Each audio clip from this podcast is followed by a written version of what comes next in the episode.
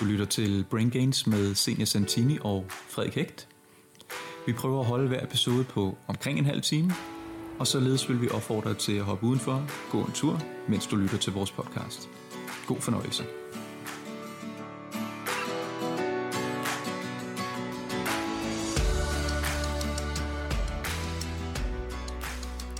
I denne episode har vi fået besøg af Rasmus Køster Rasmussen, som blandt andet forsker inden for fedme. Rasmus han er en klog mand, og han er meget glad for at snakke, og derfor blev indspilningen lige lidt længere, end hvad vi havde regnet med. Og af den grund, så har vi så valgt at dele episoden op i to dele. Her kommer første del. Og øh, Frederik, vi har jo øh, fået fornemt besøg i dag. Vi har fået rigtig fint besøg. Ja. Øh, Rasmus, kan du ikke øh, være sød og introducere dig selv? Jo. Jamen, jeg hedder Rasmus Køster Rasmussen, og jeg er læge, og jeg er forsker.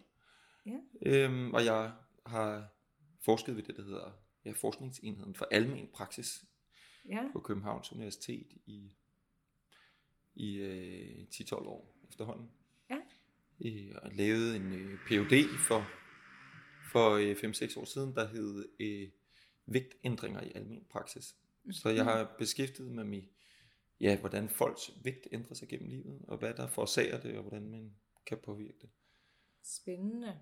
Hvordan kan det være, at du lige endte inden for det forskningsfelt? Det var faktisk en tilfældighed. For hvis jeg nu skal være helt ærlig, så interesserede det mig meget lidt med vægt mm-hmm. og, og fedme og den slags ting. Øhm, jeg var nok mere interesseret i noget med infektionssygdomme og hjertekarsygdomme og den slags. Okay. Øh, men det datasæt, som nu var til rådighed, som jeg skulle bruge til at lave min PhD med, det var ret lille. Og derfor var de, og det var, der var ikke så lang tid at follow op på, så derfor så havde dem, der var med i dag, altså det var nogle øh, befolkning i en lille jysk by, der hedder Ørum, de var ikke begyndt at få, at, at få myokardie, eller hvad hedder sådan noget, jeg blodpropper i hjertet og, og sådan noget endnu. Øh, så, øh, så derfor var det mere oplagt at undersøge, hvordan deres vægt havde udviklet sig over ni år, fra de blev undersøgt første gang, Okay. øh, omkring år 2000, til de blev undersøgt anden gang i år 2009. Okay. Og det var dig, der stod for det?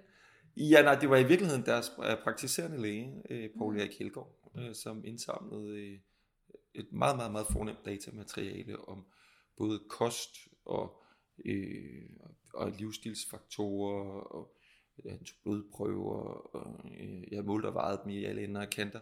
Øh, og det lykkedes ham at få 70% af, af alle borgerne i den her jyske by øh, Ørum med i, i sin undersøgelse, både ja, ved, sin, øh, ved sin baseline-undersøgelse der i år 2000, og så ni år senere, der øh, kom, var næsten alle sammen med i opfølgningsundersøgelsen også. Så det, var- det var din, det var din PhD-afhandling? Ja, den kom så, kom så til at handle om, fordi det var det, ligesom, der var de bedste data, det var egentlig omkring, hvordan folks vægt havde udviklet sig, og så var det, at min ene phd vejleder var jo øh, Beat Heitmann, øh, specialist eller professor i kostepidemiologi og vægt, og øh, så passede det meget godt, at det ligesom kom til at handle om det. Og, øh, mm. Så det blev ligesom besluttet en fredag eftermiddag, ja, hvor jeg kom mødt op til et møde, og egentlig var lidt uforberedt, og, og pludselig derfra, så var min, øh, min øh, sådan skæbne besejlet, at nu kom jeg til at interessere mig for vægt Ja. i mange år fremadrettet. Men faktisk tror jeg, at det var en fordel, øh, fordi mm. når jeg så, mange af de andre, som forsker i vægt, uden at jeg skal sige, at det folk er, at har, alle folk har vel en eller anden grund til, at de forsker i det, de forsker i, og jeg mm. kender nogen med hjertefejl, som forsker i hjertesygdomme, og nogen, der Ja. øh, fejler det ene og det andet, som ligesom forsker lidt i deres egen øh, sygdom, og på en eller anden måde også har en eller anden aktie i det. Mm. Og der kan man sige, der er- var jeg helt fri for at have nogen forudfattet, Ja. eller i hvert fald nogle meget stærkt forudfattet mening om det her, fordi det interesserede mig simpelthen ikke, og jeg er selv, kan man sige, tynd som en pind, og har, kan spise, hvad jeg vil, uden at tage et gram på. Øh, og, øh, så det jeg havde egentlig aldrig rigtig interesseret mig for det. Ja. Kan man, øh, kan man sige, at, øh, at det er lidt mere ind lige for tiden at forske i, i vægt og især fedme? Ja, det ved jeg ikke om. Jo.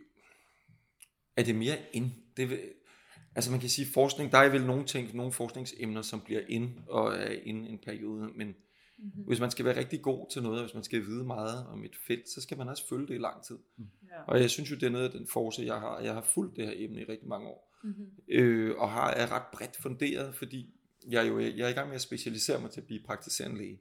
Ja. Øh, og øh, på den måde, så specialiserer mig- jeg mig faktisk i at blive generalist, øh, og sætter en, en ære i det. Ja, ja. Øhm, og og, det, hvis, og derudover, så kan man sige, så kom min PhD til at handle om, det skulle være, ja, det var et kostepidemiologisk projekt, det vil sige, man masse kostbørgskemaer for alle de her folk i Ørum, og så se på, hvordan deres øh, kost udviklede sig. Og, øh, og samtidig så ved jeg jo en masse om hjertekarsygdomme, og en masse om alle mulige andre mm. sygdomme, og, og nu her i kvæg min specialisering i, øh, ja, i almen medicin, så har jeg jo så tilbragt et, et halvt år på børneafdeling, og på gynækologisk afdeling, og på medicinsk og kirurgisk afdeling, og nu er jeg på psykiatrisk afdeling, og har lige netop været ude og, øh, og snakke med nogle patienter med spiseforstyrrelser, og skal jeg faktisk også gøre det igen næste måned. Øh, så, øh, så jeg kommer sådan godt rundt om, øh, skal vi sige, mennesket, og det er vel også det, der sådan er målet i almen medicin, er mm-hmm. at prøve at, at, at få hele mennesket med. Ja. Vi kigger ikke bare på, at det er en, der har et dårligt knæ, eller Nej. en, der er deprimeret, eller et eller andet, men det er hele mennesket. Øh, og det skal alle de her mål, vi har for en behandling om, at øh, ja, hvis man skal håndtere for eksempel øh, overvægt, eller øh, eller hjertekarsygdom, eller et eller andet, så skal det også være noget, der er realistisk. Det skal være noget, der kan forene, mm. forenes med den måde, mennesker lever på i virkeligheden. Ja, ja, ja. Øh, så den der, øh, det fascinerer, jeg er meget fascineret af det der mødet mellem virkeligheden og øh, hvad der kan lade sig gøre i virkeligheden, og så hvordan vi måske burde gøre. Ja. Øh, det, det, det giver ret god mening. Ja. så man kan sige, altså dit, dit, øh, hvis vi nu skulle snakke om et, et, et fokusområde og hovedområde, øh, så det er vægten og især ja. fedmen.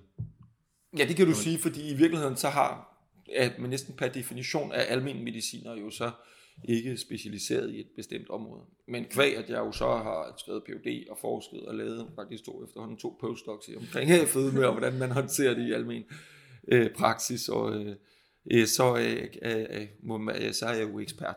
Ja. Men det, det, det, det, leder, ja, det, mm. det, leder, øh, det leder mig lidt frem til at spørge, hvad, hvad er det, hvad er fedme? Hvad går du ud på? Har vi en eksakt definition på, hvad fedme er? Ja, det har vi jo. Øh, spørgsmålet om det er en særlig god definition. Ja. Øhm, men, øh, men fedme er jo, defineres jo så af WHO og, og af Sundhedsstyrelsen og de andre autoriteter, vi normalt indordner os under, som, øh, altså som et BMI over øh, 30. Mm. Og, øh, og så kan man spørge, så kan man diskutere om BMI nu også i virkeligheden er et særligt godt mål mm. øh, til at, og, at definere øh, fedme og, mm. og Ja, så, og så man kigger på den enkelte person, eller man kigger på en større befolkningsgruppe, ikke? Ja, men altså vi kan jo alle sammen forestille os en, en bodybuilder, der er fuldstændig top-tunet og har kæmpe store muskler og har et BMI på 32, men der ikke har et gram fedt på kroppen. Ja, ja så problemet med BMI er, at den ikke har muskelvæv taget i betragtning, når, vi, når der ja. bliver mål på det. Ja, man kan ja. sige, det er for, for på individet, hvad der i hvert fald kan man sagtens finde individer, der ikke passer særlig godt på mm. den definition. Øh, men man må sige, som sådan mere general term, øh, mm. der er den nok der er det nok et okay redskab at bruge.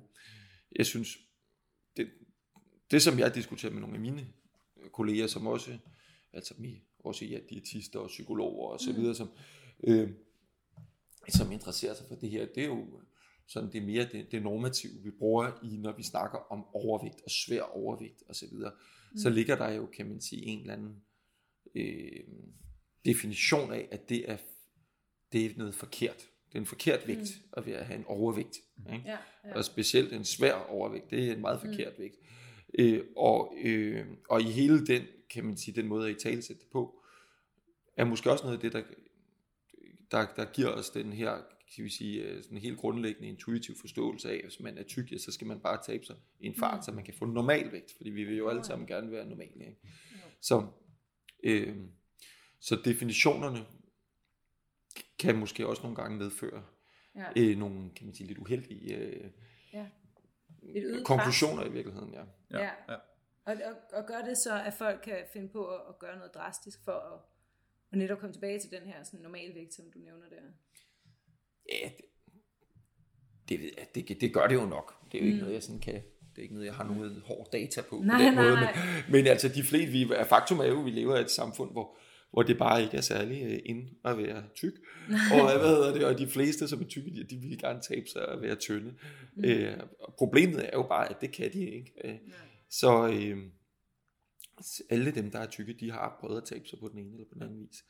Øh, og, øh, og dem, der ligesom er tilbage, man kan sige dem, for hvem det er lykkedes, ja, de er jo så ikke tykke længere, så dem, der ligesom er tilbage til, det er, fordi de ikke kan. Øh, og det er jo også noget af det, som, hvor jeg prøver, tænker, at jeg har et say i den her diskussion, det er at prøve at bringe realismen ind i, ja. i den her debat om, øh, om vægt. Ja. Og nu, nu siger du, at, øh, at de kan. Hvad, hvad, hvad, øh, hvad mener du med det? Jamen, jeg mener vel, at der findes øh, overmåde solid do, øh, videnskabelig dokumentation for, at, øh, at øh, når man sætter folk på slankekur, ja, så, øh, ja, så virker alle slankekurer på kort sigt, uanset om man spiser fedt eller sukker eller guldrødder, eller hvad man spiser. Mm. Øh, men, på kort, øh, men på lang sigt, så er der ikke nogen slankekur, der virker. Mm. Øh, og, øh, og selv de største, fineste, mest velgennemførte øh, vægttabsprogrammer, øh, hvor man både har altså personlige coach og psykologer og madlavningsteams og sportskurser og øh, pulverkurer og alting ind over her, det, de, de giver et varigt vægttab på 3-4 kilo, og det er meget konsistent. Det er ligesom det samme, det havner på hver gang, og det er altså, når man kigger efter et par år. Ikke? Øh, et stort kan vægttab ikke... up front på måske 10, 15, endda 20 kilo, og så efter nogle år, øh, ja, 3-4 kilo. Ja. Okay. ja, så problemet er måske ikke så meget det med at få folk til at tabe sig, fordi det er folk generelt ret gode til. Problemet er at få dem til at opnå et vægttab, som de kan holde. Som de også opholder et år efter, to år efter. Jamen, det er jo et spørgsmål om, altså hvorfor er det egentlig, at vi skal have folk til at tabe sig? Ja. øh, og øh, så kan man sige fra, se fra min stol, så kan der ligesom være to øh, årsager. Ja. Der kan være det, der har noget at gøre med sundhedsvæsenet, og der kan være det, der har noget at gøre med nogle andre ting. Ja. Øh, og, øh, og det, der har at gøre med andre ting, tror jeg i virkeligheden dybest set for de fleste er det vigtigste. Altså om de ser godt ud, at de kan købe et par smarte bukser, eller at de kan få en kæreste, eller mm. at de ikke bliver øh, diskrimineret og mobbet på arbejdsmarkedet osv. Mm. Øh, mens det, der har at gøre med, med sundhedsvæsenet umiddelbart, i hvert fald i første omgang, ja, det er jo sådan noget med, øh, kan man reducere forekomsten af hjertekarsygdom, kan man, mm. øh, kan man reducere øh, øh, lidelser med slidgigt i knæet og så videre. Men jo også sekundært, må man sige, kan man reducere det stress, folk oplever af at blive øh, ligesom diskrimineret i, mm. i offentligheden osv. Ja. Øh, og hvis man tager jeg, jeg beskæftiger mig ikke så meget med, kan man sige, det første Nej. emne, selvom jeg selvfølgelig er ligesom bevidst om det, øh, at folk jo gerne vil, øh, gerne vil ligesom prøve at opnå deres ideal, eller samfundets ideal for, hvordan man skal se ud. Men hvis man kigger på de rent sundhedsmæssige øh, effekter af vægttab, så er det i grunden ret nedslående, øh, mm. hvad man får ud af det. Ja.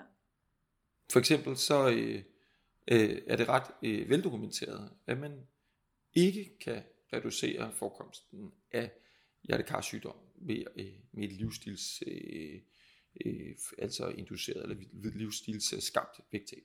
Mm. Øh, når man kigger på det som et forskning i hvert fald. Okay. Øh, og det, ja, det ved vi øh, fra Luca Head-studiet for eksempel.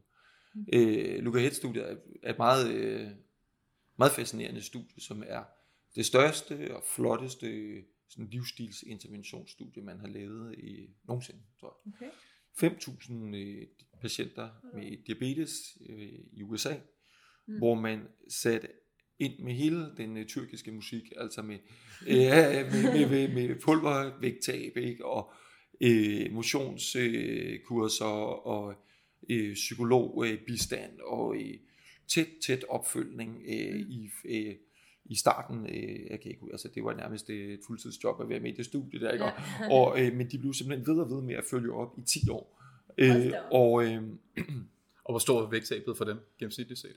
Øh, jamen det var så der i øh, godt, godt 10% af kropsvægten, tror jeg, øh, efter et år, eller et halvt år, øh, og så tog de to på igen, øh, og endte på de der 3-4 kilos øh, vægttab øh, i forskel mellem kontrolgruppen og, og interventionsgruppen, kan vi sige. Det var altså et lodtrækningsforsøg, så det var lavet efter alle kunstens regler. Ja. Øh, simpelthen et super flot studie, intet mindre.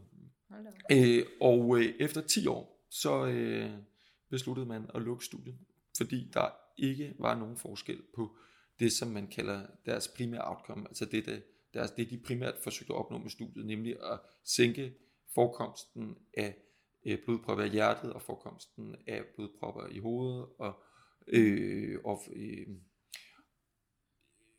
og når man kigger på det efter 10 år, så var der overhovedet ingen forskel mellem kontrolgruppen og, øh, og, øh, og interventionsgruppen. Men det jeg hørte dig sige der, det er altså også, at de umiddelbart ikke opnåede et særligt stort vægttab Ja. i, øh, i det lange løb. Ja, for altså du, er- som, som man kan sige, jamen, du har ret, så er det, er det så grunden til, at man så ikke så nogen effekt på hjertekarsygdom, er det så fordi, de ikke opnåede stort vægttab? Det er meget muligt, øh, og det er muligt, at man ville have set øh, en reduktion i forekomsten af hjertekarsygdom, hvis man havde opnået et meget stort vægttab. Det ved vi bare ikke. Og øh, der er ikke noget, der tyder på, at vi finder ud af det. Nej. Fordi der er ikke nogen, der kan få folk til at tabe sig mere end 3-4 kilo i gennemsnit, hvis man ser på det over tid. Hvad vil du selv tro, hvis man, hvis man nu siger, at vi, vi havde et studie, der, øh, der fik øh, svært overvægtige til at tabe sig, således at de endte på et, en normal vægt? Vil der være nogen reduktion i livsstilssygdomme hos dem? Hvis du skulle, øh, jeg ved godt, du, det står for din egen regning her. Ja, det er jo... Altså man kan jo læne sig lidt op af for eksempel fedmekirurgi-studierne, øh, som, øh, som, jo, som jo tyder på, øh, må man sige, at der, øh, at der er en øh, livs... Altså at livet bør forlænges, og, øh, og, og forekomsten af en, en, en række sygdomme reduceres øh, med, med fedmekirurgi. Men samtidig må man også sige, at den viden, som vi betragter som meget nagelfast med fedmekirurgien, i virkeligheden hviler måske på et lidt spinkelt grundlag, fordi øh, de studier, som alle, de eneste rigtig gode langtidsstudier, man har af det, øh, jamen det er et SOS-studiet for Sverige, som ikke er et randomiseret studie, det vil sige, det er ikke et lodtrækningsforsøg. Og selvom det er et meget fint øh, øh, med matchede kontroller og så videre, som øh, man har ligesom forsøgt at kompensere så godt for, at det ikke er et lodtrækningsforsøg, man kan, øh, så, så, er så er det øh, så- altså så er det ikke et lodtrækningsstudie, og det er ligesom dem, hvor vi får det den bedste den bedste viden fra. Så men alt når man lægger alle skal vi sige øh, når man lægger den viden sammen vi har, så er der, der noget der tyder på at i hvert fald kirurgien øh, altså de altså øh, de øh, øh, altså fedmeoperationerne der, Mm. de de øh, reducerer øh, altså de får folk til at leve længere ganske enkelt. Øh, så øh, øh, så når du spørger mig, ville man så, hvis man lavede en livsstils øh, intervention, som fik folk til at tabe sig virkelig meget, om det så ville reducere forekomsten af hjertekarsygdom? Det ville det måske. Altså. Jeg ved det ikke, det kan vi ikke sige, men det vil, det vil jeg da håbe. Det, det Ja. håber jeg da et eller andet sted, det gør. Men, men, men, det, men du kan godt høre, at det bliver lidt en teoretisk diskussion, fordi hvis vi skal applicere det her, hvis vi skal arbejde med en eller anden form for folkesundhedsstrategi, som, øh, hvor vi skal have folk til at, Mm. i massevis til at tabe sig, Mm. øh, jamen så kan man selvfølgelig godt se på det individ. Vi kender jo alle sammen en, som ligesom har tabt sig, og det er gået godt, og, Mm. og dem skal vi jo ikke tage mod fra. Det, Nej, men hvis man kigger på ligesom øh, de store, de, altså den, øh, på, på befolkningen, som, eller den øh, overvægtige befolkning som helhed, så må man bare sige, at så kan vi ikke få dem til at, Mm. at tabe sig. Det har vi virkelig god, altså virkelig god dokumentation for. Lu- Luca Head-studiet er langt fra det eneste. Det er alle slankestudier, der viser det samme. Øh, så øh, øh, så spørgsmålet er, hvad vi, hvad vi så får ud af at dunke folk oven i hovedet og sige, nu skal I også tabe jer, og nu skal I også tage sammen. Øh, vi får øh, nogle få individer, som har et stort vægttab, og som har gavn af det, og, og det skal vi være glade for, men vi får også en kæmpe stor restgruppe øh, på øh, altså godt over 90 procent, som, som i virkeligheden bare får et nederlag ud af det, øh, og som siger, åh nej, nu gjorde jeg nu, nu, nu kiksede jeg igen, og jeg, jeg fejlede igen, og jeg øh, prøvede, og det lykkedes ikke for mig, og jeg må da også være en idiot, siden jeg ikke kan finde ud af at tabe mig. De får dårlig selvværd, Mhm. og andre folk kigger på dem og tænker, de må have en ryggrad som en vingummi, de folk ikke, Ja. siden de ikke kan tabe sig. Ja. Men, men faktum er, at når man, hvis man forsøger, altså vægttab, det er en, en kamp mod naturen. Jeg har godt tænkt mig at prøve at trække den lidt tilbage på øh, eller sådan lidt mere global plan, hvor man ser jo, at fedme, det er, det ret stødt stigende i, i mange lande. Øh, USA er nok de fleste øh, øh ret enige om, at øh, det, det, det ser det noget grumt ud. Det gør det også i Danmark. Øh, kan du ikke lige fortælle om, hvordan ser kurven ud i forhold til, til antallet af fede i Danmark?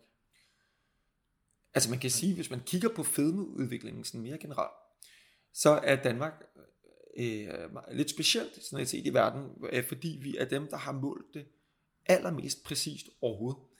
Øh, og det er fordi, at det er vores soldater, når de kommer til session, så øh, i modsætning til alle andre lande, i alle andre lande, der man kun målt, hvor høje folk var, eller mændene var der, når de kom til session, ikke? fordi så kunne man se, om de kunne komme i garden. Øh, mens i Danmark, der har man også målt, hvad de var. Og det har man altså gjort siden uh, Ruder Kongen knæk. Nå. Og der kan man se helt tilbage fra 1700-tallet, der, øh, ja, der var øh, antallet af det, vi ville betegne som svært overvægtige, altså det med et, et BMI over, øh, over 30, øh, antallet af dem i sådan en ungdomsårgang, når, de, når mændene kom til session, ja, det lå helt nede omkring 0,1 procent. Øh, og det gjorde det i lang, lang, lang, lang, lang, lang, lang, lang, lang tid. Frem til øh, fødselsårgang 1942. ja. øh, og, øh, og de kom jo så først til session øh, ja, 18-19 år senere. Ikke? Mm. Øh, men der, der skete pludselig i løbet af ja, et ganske få år en stigning med en tidobling. Så det nu pludselig var øh, godt 1% af, øh, af fødselsårgangen, som der havde et, øh, et, øh, et BMI over 30. Mm. Og, øh, og så lå det nogenlunde jævnt der, der er selvfølgelig nogle udsving, ikke? Men, øh, men nogenlunde omkring en procent igen i øh, en årrække frem efter indtil omkring det var, det var 1942, vi, er i, ikke? Ja, ja. Øh, og så indtil omkring fødselsårgang 1969-70, så pludselig så sker der næsten en tidobling igen op til omkring øh, 8%. Øh, og, øh, og derfra, der har det så været øh, jævnt stigende indtil der, hvor det er i dag, øh, på de der, øh, øh, ja, hvor det er i dag, altså med 12-13 procent eller sådan noget, ikke? Mm-hmm. Øh, hvad hedder det, og, øh, og, øh, og derfor kan man sige, så, så har vi faktisk en meget præcis beskrivelse af, hvordan det udvikler sig, i hvert fald for mænd, øh, i, øh, i, øh, i Danmark igennem historien. Øh, og en meget, meget repræsentativ måling, fordi det var alle er kommet til session. Ikke? Der har ikke været nogen, der ikke har fået lov, der har fået lov at slippe. Øh, så, så der er jo ikke slet ikke nogen tvivl om, at vi har en, øh, en fedmeepidemi. Det er der ingen tvivl om. Øh, spørgsmålet er, hvad der er årsagen til det. Lige præcis, og det er det, jeg gerne vil ind på nu her. Altså, og nu ved jeg godt, du kan nok ikke komme med den helt eksakte øh, årsag. Øh, men hvis man lige skulle knytte nogle ord til, hvad kunne være, hvad kunne være årsagen til, at vi ser den her udvikling?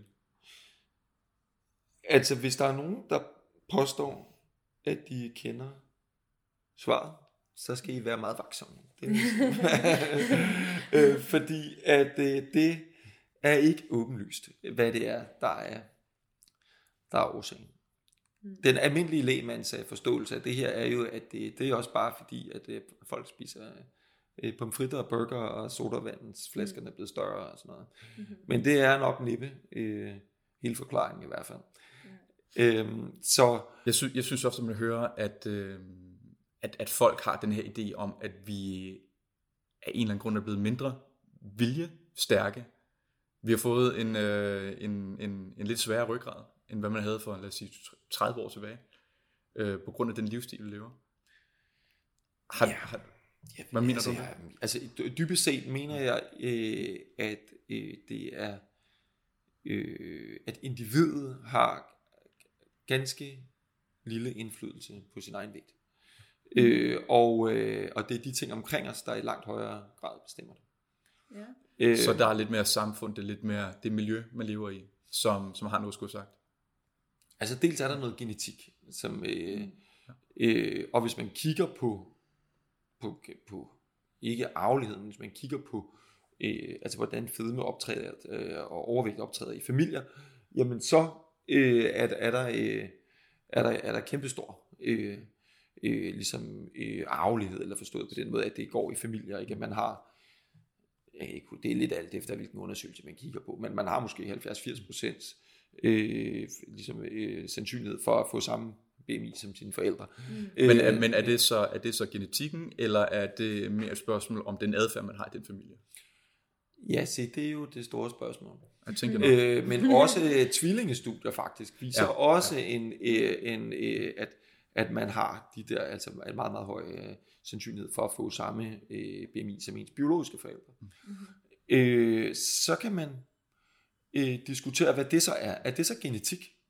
Mm. Fordi hvis man kigger på øh, de kendte fedmegener, øh, ja, så kan de kun forklare øh, omkring 5% af den arveligheden i, af den observerede arvelighed i, i, i, i, fedme. Øh, og man startede, i starten fandt man med at finde, ja, finde det, der hedder FTO-genet, som kunne forklare godt 2%, og så fandt man det næste gen, som så forklarede under 1%, og så fandt man nogle mindre, mindre, mindre, mindre gener, som betyder mindre og mindre, og ja, man finder stadigvæk nogle, men de betyder utrolig lidt, dem man finder. Ja. Så ligesom håbet om at nå op på ja, et meget højere tal, ikke? Det, det ja. er ligesom det er svundet for mig for mange år siden. Mm. Så, øh, så man er begyndt at, at, ligesom at tænke over, altså, ja, enten så, ja, man må sige, enten så er det øh, arveligt på en anden måde end genetik, øh, eller også er der noget grundlæggende ved genomet, vi ikke forstår. Øh, så, øh, men, men en af de ting, som har fået rigtig stor betydning øh, på øh, inden for de sidste 10 år, og er det blevet, det er det, vi kalder for fetal programmering. Mm. Øh, har, I, har I hørt det begreb før? Nej. Øhm, så, så nu vil jeg godt have lov at vende tilbage til det der med fødselsårgang 42 yeah. og 70. øh, fordi mm, i, øh, i, under 2. verdenskrig i Holland, der var øh, vinteren der i 243, øh, mener, det var nok 43 i virkeligheden, mm. eller var det 44, det ved jeg faktisk ikke. Men pyt med det, det var også noget Holland, Ja. det var ikke i. Det var inden Øh, det, men der var i hvert fald, øh, der sultede de simpelthen i Holland. Øh, og det var mellem nogle meget bestemte datoer. Øh, fordi at det var noget med, ja, at det, de blev ligesom øh, besat af nazisterne, og så blev de befriet af de allierede. Øh, så, så, øh, så hvor man simpelthen i, i, i en periode var helt nede på at kun at få en tredjedel rationer i, øh, i Holland. Uh-huh. Og folk, befolkningen sultede alle smen. Øh, både dem, der var gravide, og dem, der ikke var gravide. Øh, om jeg så må sige, og, øh, alle folk. Men, men man har undersøgt dem, som var gravide, og som sultede dengang. Ja. Øh, og så har man kigget på deres børn, da de blev voksne. Mhm. Og det ganske overraskende ved det her, det er, at dem, som var gravide i første del af deres graviditet, når man ser på deres børn, da de var altså 50 år gamle, ja, øh, altså var blevet voksne, mænd Ja. og koner, så havde de et dobbelt så høj forekomst af, øh, af, af fedme, altså BMI over 30, øh, sammenlignet med de, altså børnene af de kvinder, som havde været gravide lige før og lige efter den Ej, her, øh, den her sultperiode. Okay. Mens at hvis man kiggede på dem, som havde været gravide i sidste del af deres graviditet, jamen så havde de 50% øh, forøget forekomst af diabetes og forstadier til diabetes, øh, men de var ikke tykkere, Nå. end øh, hvis man sammenlignede dem igen med de børn af, af de gravide, som havde været gravide lige før og efter den her periode. Okay. Øh, så, så det her øh, studie, som man kalder for det, det hollandske sultstudie, eller mm-hmm. The Dutch Hunger Winter Study, øh, det, øh, øh, det, det gav læge råden til den her idé om fetal programmering, eller mm-hmm. om øh, epigenetik, altså at, Ja. man, øh, at man påvirker, at, at når fosteret er inde i maven hos sin mor, jamen så bliver det påvirket øh, af det miljø, der er udenfor, og, det, og man kan ligesom få programmeret sin, øh, øh, sit stofskifte og sin metabolisme inde i, inde i maven, øh, som man bærer med sig hele vejen igennem øh, mm. livet til, når man bliver voksen. Og epigenetik, det er de her knapper, vi har på generne, som kan på en eller anden måde tænde og slukke for generne, eller justere dem på en eller anden måde. Øh, hvor i, i, i, i før i tiden, der troede man, når man har de gener, man har dem, så er det, så, så er det sådan, det er. Øh, men med den nye forståelse for, for epigenetik, så er der rent faktisk noget, der kan ændre sig i, i generne. Er det, er det forstået korrekt? Ja, altså gen, genomet er det samme, kan Ja. man sige, øh, men at man kan få sat netop, som du kalder det, nogle små knapper, eller små metylgrupper er det typiske, øh, som der kan sæt, bliver sat ligesom på generne, på generne, og det påvirker så, øh, om de bliver brugt eller ikke bliver brugt, de der gener. Øh, så, øh, så ja. Og, og, og man kan så, så snakker man om, at man i nogen grad kan kan man nedarve ligesom de øh, indstillinger af generne. Øh, og det, det kan man måske nok i, i et par enkelte generationer, men, øh, men det er nu en anden diskussion. Øh, men så, så hele den her snak her, den går sådan set på, på individniveauet. Altså er der noget genetisk bestemt? Er der noget i vores krop, der gør, at vi har lettere ved at tage på? Øh, som du så siger, det, der er nok noget der, vi ved bare ikke, hvor meget af det, der er på individniveau. Nej, men hvis man tager, nu fordi, nu øh, for jeg fortalte jer før, jeg var så meget bredt funderet ud i, øh, i forskellige typer videnskab, og, øh, og i min, under min PhD, der blev jeg så, øh, min, min hovedvejleder var faktisk fra endokrinolog, altså sådan en, der beskæftiger sig med sukkersyge, en øh, mm. specialist i sukkersyge og andre sådan stofskifte- og hormonsygdomme. Øh, og, øh, og jeg blev tilknyttet det, der hedder øh, Forskerskolen i molekylær metabolisme, øh, mm. som altså var sammen med forskere, som lavede ja, wet lab science, altså med, øh, med rotteforsøg og den slags. Mm. Øh, hvilket jo ligger utrolig langt fra almen medicin, og mm. utrolig langt fra også kost øh, spørgeskema og kostforskning, som, som var det, der egentlig var i starten var hovedgenstandsfeltet for min forskning. Mm-hmm. Men, men jeg lærte faktisk rigtig meget af at være ligesom på, øh, på hold med alle de her øh, rotteforskere, mm. som jeg kalder dem, så lidt for sjov, ved det, øh, og, øh, og, de, øh, og, og der var rigtig mange af dem, der beskæftigede sig med fetal programmering. Og for dem var det bare et fuldstændigt faktum, at øh, ja, du kan tage en ged, eller et, en mus, eller en rotte, eller en abe, eller et hvilket som helst pattedyr, og så kan du tage en, en gravid, øh, øh et, et gravid dyr, ikke? og så øh, stresse det øh, tidligt i graviditeten, og så kan du programmere fedme, eller du kan programmere sukkersyge og så videre øh, i helt tidlig graviditeten. Det kan man. Punktum. Okay. Færdig. Men burde det så ikke være sådan, at man så i dag, hvis man så gav kvinder en god og varieret kost, at man så kunne komme hele det her øh, fedmeproblematik til livs? Ja, du har formentlig fat i noget af det rigtige. Altså, vi, det er jo det er i hvert fald det, som jeg mener, at vi skal gøre noget mm. øh, ved de kvinder, der er helt tidligt i graviditet, og måske det endda før de bliver gravide, at vi snakker også om ja, andre faktorer helt tidligt, der kan, øh, kan have betydning, måske også mandens adfærd. Men, ja. men, men igen er vi ude i noget, hvor vi, det er på, måske stadigvæk på, vi ved, der sker noget, men vi ved ikke, hvad der skal til for at lave en god udvikling. Nej. Man kan sige, det som vi kunne se fra det hollandske sultstudie, det var, at vi ved i hvert fald helt sikkert, hvad der skal til for at lave en dårlig udvikling. Ja. Og det er også det, de kan finde ud af, de der øh, øh, øh, altså øh, lab, wet lab forskere, ikke med at, at pine plage en gravid rotte, og så se, hvordan man kan øh, skabe sukkersyge eller, eller fedme hos øh, rottebørnene. Øh, men, men altså, hvis vi kigger på det reelt, så ved vi jo ikke rigtigt, hvad der skete der under 2. verdenskrig. De er okay, de er sultede. Men altså, det var nok heller ikke bare generelt ikke særlig sjovt at være gravid der. øh, der faldt sikkert bomber om ørerne på dem, og der var, øh, øh, ja, øh, de var, de var død angste for, ja. hvad fanden der skulle ske, ikke? Og øh, familierne var i opbrud, og øh, måske var der stor sorg, hvis deres mand var faldet i krigen. Og der kan være alle mulige faktorer, som har, har haft betydning. Så det var ikke bare, at de sultede, det var også ja, alt muligt andet stress, dybest ja. set, der, var, der ligesom bare foregik der. Men, øh, men... Og, øh, så, så vi ved ikke, så vi ved i hvert fald, at det, eller er rigtig meget, der tyder på, at det var i hvert fald skidt i forhold til, at det er disponeret til at udvikle fedme med sukkersyge. Men hvis vi så vil forebygge det, hvad skal vi så gøre? Mm. Det må vi bare sige, det aner vi simpelthen ikke. Men du, du nævnte det her, og så nævnte du det her, der skete i Danmark i 42. Og var der så en sammenhæng mellem de børn, der blev født? Du sagde, de, de, de, deres, øh, de tog også på i vægt. Ja. De børn, der blev født. Har der været nogle af de samme øh, problematikker i Danmark, hvor det er, at man så har spist mindre i den her tid? Og så derfor, altså kan man ligesom sådan drage en parallel mellem de her to, altså det her studie hernede i Holland, og så det der, det der skete i Danmark, som der også fik, fik øh, altså havde en effekt på de, ja, de, og de mennesker, der blev født efterfølgende. Ja, og som der også har haft en effekt igen senere i 70'erne, nævnte du. Det er et godt spørgsmål. Øh, og det kan man spekulere over, men man kan sige, som udgangspunkt er det to ret forskellige effekter, hvor den effekt, man så i Holland, var ret hæftig. Mm-hmm. Altså det mhm. var 50 procent flere, der øh, var, øh, var, havde et BMI over 30. Det er alligevel øh, noget, ja. ikke? Mens at det vi jo ser i Danmark, det er jo, et, at det stiger fra 0,1 til 1 procent, så det er jo, kan man mm. sige, jo et andet øh, øh, impact-niveau, mm. vi snakker om. Men der er måske alligevel noget om det, at der er, igen må vi sige, at vi er ude på et, på et spekulativt plan, mm. fordi vi ved det grundlæggende ikke. Men, øh, men noget kunne tyde på, at der skete noget med samfundet, eller noget med den måde, man levede på, som påvirkede øh, de gravide der. Øh, det, det er i hvert fald en teori. Ja, ja.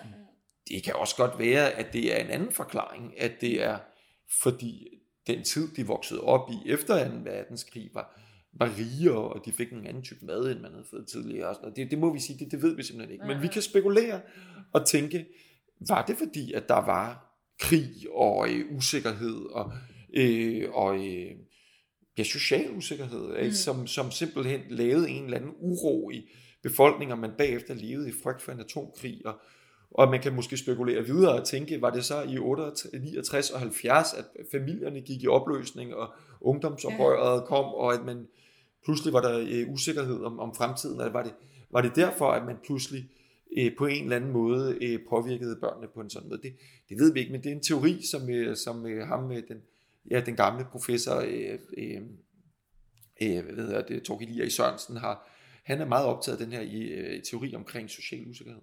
Mm-hmm. Øh, og at det har simpelthen har betydning for, for, øh, for udvikling af, af fedme. Og, og han, han kan i virkeligheden bakke den teori op på med flere forskellige, øh, kan man sige, argumenter, mm. som jo ikke, nogen af dem er, at, at, at, at, et endeligt bevis, men der er der mange interessante øh, ligesom med sammenhænge i det.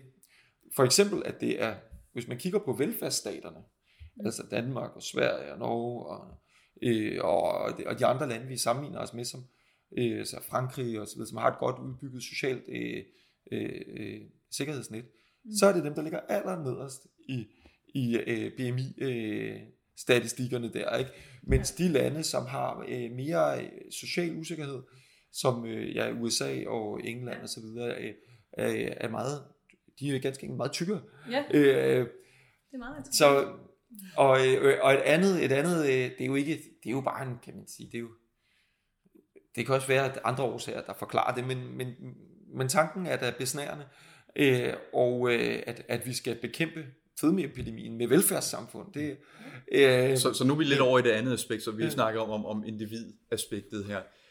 Nu er vi jo lidt over i det her samfundsaspekt her, og hvordan samfundet kan have påvirket den her fedmeudvikling. Øh, kan du, ja, kan du knytte nogle ord på det? Det er du allerede godt i gang med. Ja, altså man kan sige, at grundlæggende så øh, er vi jo øh, altså rent genetisk og øh, er vi jo skabt til at være et dyr, der går rundt ude på savannen. Mm. øh, og, øh, og, og, øh, og på den måde giver det god mening at oplagre noget fedt. Øh, så, så det er jo ikke mystisk, at vi kan blive tykke. Mm. Øh, det kan der, der er mange dyr, der også kan, ikke? Bjørne og fugle og alt muligt, der spiser til vinteren osv. Øh, men, øh, men, men, men jeg tror, at jeg ser det sådan, at, vi, at, at, at mennesker er forskelligt disponeret til at lære fedt. Øh, og der er sådan en som mig ud den ene ende, som ikke kan tage et gram fedt på. Og så er der folk, som uanset hvad fanden de gør, så bliver de tykke, selvom de er nærmest på slankekur hele tiden, så bliver de alligevel tykke.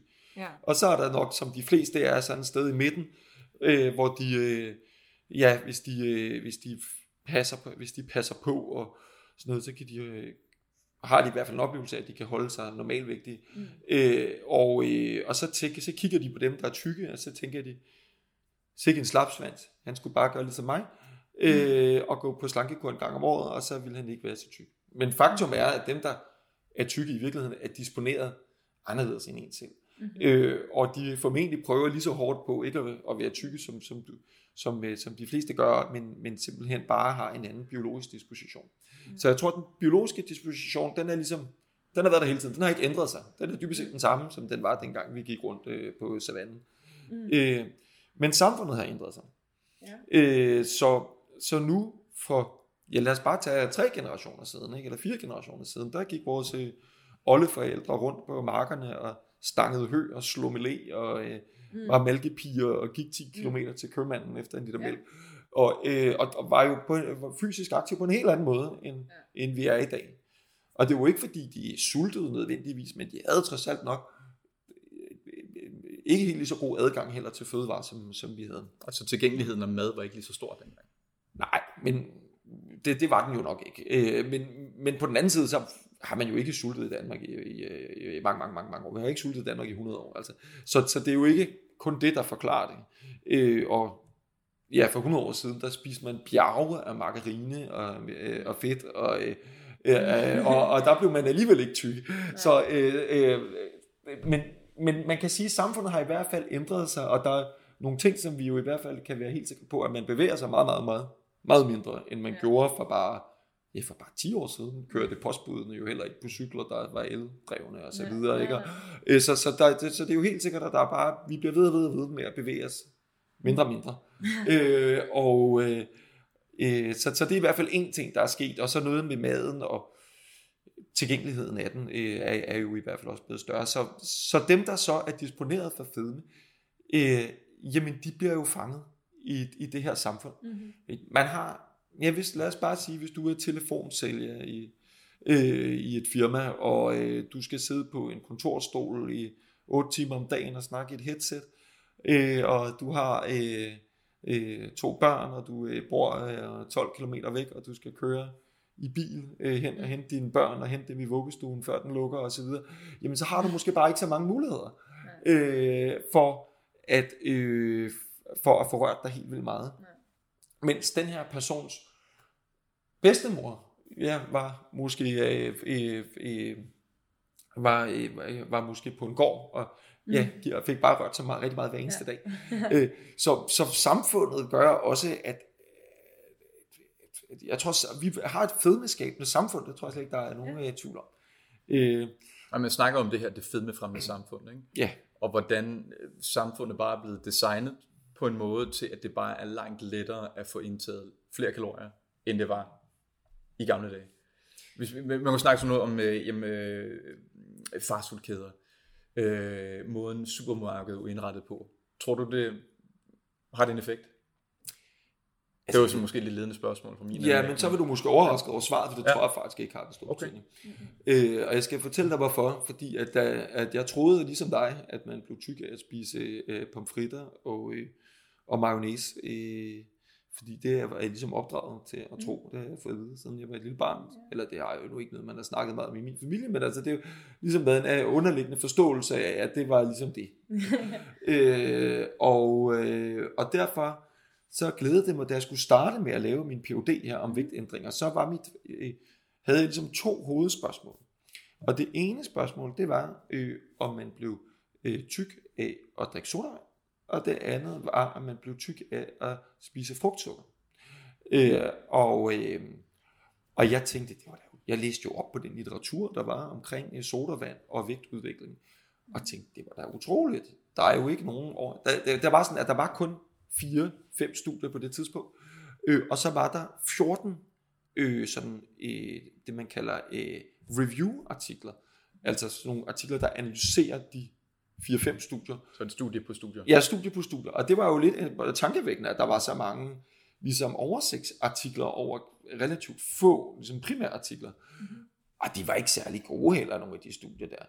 Øh, sådan. Og jeg tænkte, det skal være mig. Tænk, ja. at jeg har så gode data fra Ørum i Jylland, og nu skal ja. vi vise, hvordan de blev tykke af at drikke sodavand.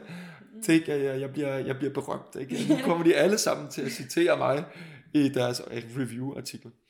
Øh, men øh, altså, jeg begyndte så at lave mine kostanalyser af, hvor meget sodavand de drak i Ørum, og hvordan deres vægt havde udviklet sig. Men til min store overraskelse, så fandt jeg ikke nogen sammenhæng. No. Og så tænkte jeg, det var mærkeligt. Og så tænkte jeg, jeg må have lavet fejl i mine analyser. Mm-hmm. Øh, og så lavede jeg, forbedrede jeg mine analyser øh, på alle mulige måder, og jo mere jeg forbedrede dem, des mere tættere kom jeg på nul no. i mine analyser. Øh, så, så det den altså viste, var, at man så, at der var en stigende udvikling i fedme, men der var ikke der var, det var ikke fordi, at de var begyndt at drikke mere sodavand. Ja. ja. Øh, og det var faktisk heller ikke fordi, de var begyndt at spise mere frugtsukker. Mm. Og det var heller ikke fordi, de var begyndt at spise mere fedt. Jeg kunne ikke relatere nogen enkelt bestanddele i kosten til, hvordan folks vægt udviklede sig over de næste år. Der var ganske enkelt ingen sammenhæng. Og jo, bedre, jo mere raffineret jeg lavede analyserne, og jo bedre de blev, des mere tættere kom jeg på nul mm-hmm. sammenhæng. Så tænkte jeg, det er også bare dem for øvrigt. Ikke også? De er heller ikke helt normale derovre. Ved jeg det, så, øh, så altså, begyndte jeg så at læse med lup øh, og de store øh, europæiske studier af øh, vægtudvikling og kost øh, øh, hvad hedder det, øh, øh, data og de store amerikanske studier og alle de studier, der kom i nærheden af. Og når man læste grundigt efter, så viser det sig faktisk, at der er ingen sammenhæng imellem det, som folk rapporterer, de spiser, og hvordan folks vægt udvikler sig. Mm-hmm. Og så kan man sige, at det så fordi, at folk de øh, ikke rapporterer korrekt det, de spiser, eller er det fordi, der ikke er nogen sammenhæng mm. mellem, skal vi sige, enkeltbestanddelen i kosten og vægtudviklingen. Øh, og det er nok stadig, for stadigvæk et åbent spørgsmål. Øh, men, øh, men faktum er, at, øh, at, det, at det generelle billede, hvis man kigger på alle de artikler, der er lavet omkring det her, jamen så er summen, der, der, er, der er enkelte artikler, der viser, at det, ja, at det, at det enten er skadeligt, eller det er godt, eller skal gavne. Man tager lidt mindre på af at spise protein, men så er der nogle andre studier, der viser, at man tager lidt mere på af at spise protein, og nogle, der viser lidt det samme med sukker og sådan noget. Men hvis man ser på dem under en hat, så er svaret 0. Mm. Øh, for, øh, så man kan ikke relatere nogen enkelt bestanddel i kosten til vægtens udvikling over tid. Øh, hverken som whole foods, altså det vil sige som øh, mayonnaise og pomfritter, eller som fedt, eller sukker, eller alkohol, eller sodavand, eller fruktose, som jeg har kigget på. Så, øh, så er det fordi folk ikke rapporterer det korrekt, og der er nok, det, det må man sige, det gør folk ikke. Der er en, det vi kalder en bias, eller en fejl. Mm. Øh, der, der er en systematisk fejl i, hvordan folk rapporterer deres kost. Så dem, der er tykke, ja, de rapporterer, at de spiser mindre fedt, og dem, der er tynde, de rapporterer, at de spiser øh, øh, mindre øh, øh, noget andet osv. Så, så, øh, så, så der er nogle systematiske fejl i, i den måde, folk rapporterer deres data på. Kvinder rapporterer lidt anderledes end mænd, og gamle rapporterer lidt anderledes end unge osv. Men, men selvom man forsøger at justere for de fejl, selvom man ja, selvom man forsøger at tage højde for det, så kan man stadigvæk ikke vise nogen sammenhæng. Men man kan stadigvæk godt argumentere for, hvis man nu er benhårdt ligesom øh, indstillet på, at det, man må blive tyk af at spise pomfritter, så kan man godt øh, for argumentere for, at det, at det er fordi, at de rapporterer øh, med, med, med, med en fejl, med, med en systematisk fejl, folk der, der rapporterer deres kost. Men, men kan man så sige noget om sammenhængen mellem, øh, mellem udvikling af fedme, og så den her udvikling, der man ser i, i tilgængeligheden af, af hypervelsmagende madvarer, tilgængeligheden eller, eller øh, størrelsen på hvordan et, et Happy Meal ser ud i dag, kontra 30 år siden. Og det kan man så ikke, fordi man har ikke nogen øh, gode studier af det på den måde. Nej, man, øh, hvis man prøver at rationalisere men, det. Men det tætteste, man kommer på, er englænderne, som har lavet nogle studier af, øh, jeg tror jo også, der findes amerikanske studier, som viser, at jo tættere, jo flere øh, øh, fastfood-restauranter, der er rundt om din bopæl, det større er din øh, sandsynlighed for at være overvægtig. Ja. Men i mine øjne, så er det dybest set også et spørgsmål af, jamen, hvem er det, der bor der, hvor der er rigtig mange fastfood-restauranter. Det er måske dem, der ikke har så mange penge. Øh, for dem, der har mange penge, de bor ude i villagerne, hvor der ikke er så mange fastfood-restauranter. Mm. Og, og fedme har den tunge ende nedad socialt, ligesom alle andre sygdomme. Mm. Øh, øh, ja, altså hjertekarsygdomme, diabetes og kræft og kol og alle sygdomme, du kan nævne. Øh, øh, de øh, med, med ganske få undtagelser, øh, de øh, har, der er det mere, øh, der er det hyppigere forekommende blandt dem, der er fattige og er lavere uddannede, end dem, der er rige og højere uddannede. Øh, og jeg tror dybest set, det er den effekt, man måler i det studie. Mm. Øh, det er i hvert fald, hvis det skulle være et bevis for, at man bliver tyk af at spise fastfood, er det i hvert fald meget, et meget indirekte bevis. Og grunden til, at man griber til den type beviser, som ligesom også de bedste beviser, Jamen det er fordi, man ikke har nogen, der er bedre. Mm. Øh, og, øh, så det vil jeg sige, det, vil, det kan I godt tage med jer ud til jeres øh, personlige coach øh, der, at der er ikke dokumentation for, at enkeltbestanddelene i kosten har betydning for, hvordan vægten udvikler sig. Øh, det er, kan man sige, i virkeligheden heller ikke så, så mystisk måske, at det, er, det, det betyder, ja, det er, betyder noget, det er det totale energiindtag. Øh, og om man spiser det på den ene eller på den anden, på den tredje måde, det, jeg vil ikke forsvare, at der kan være nogle små effekter i det, men der er ikke nogen betydende effekter i det. Det Dejligt. På, hvad, hvad siger du til det, Frederik? Det er spændende det her. Ja. Det er rigtig spændende. Og det var så del 1 af vores snak med fedmeforsker Rasmus Køster Rasmussen. I næste del, der kommer vi blandt andet til at snakke om de miljømæssige og samfundsmæssige faktorer omkring udviklingen af fedme, samt hvad stigmatisering af fedme har af indflydelse. Så tak fordi du gad lidt med.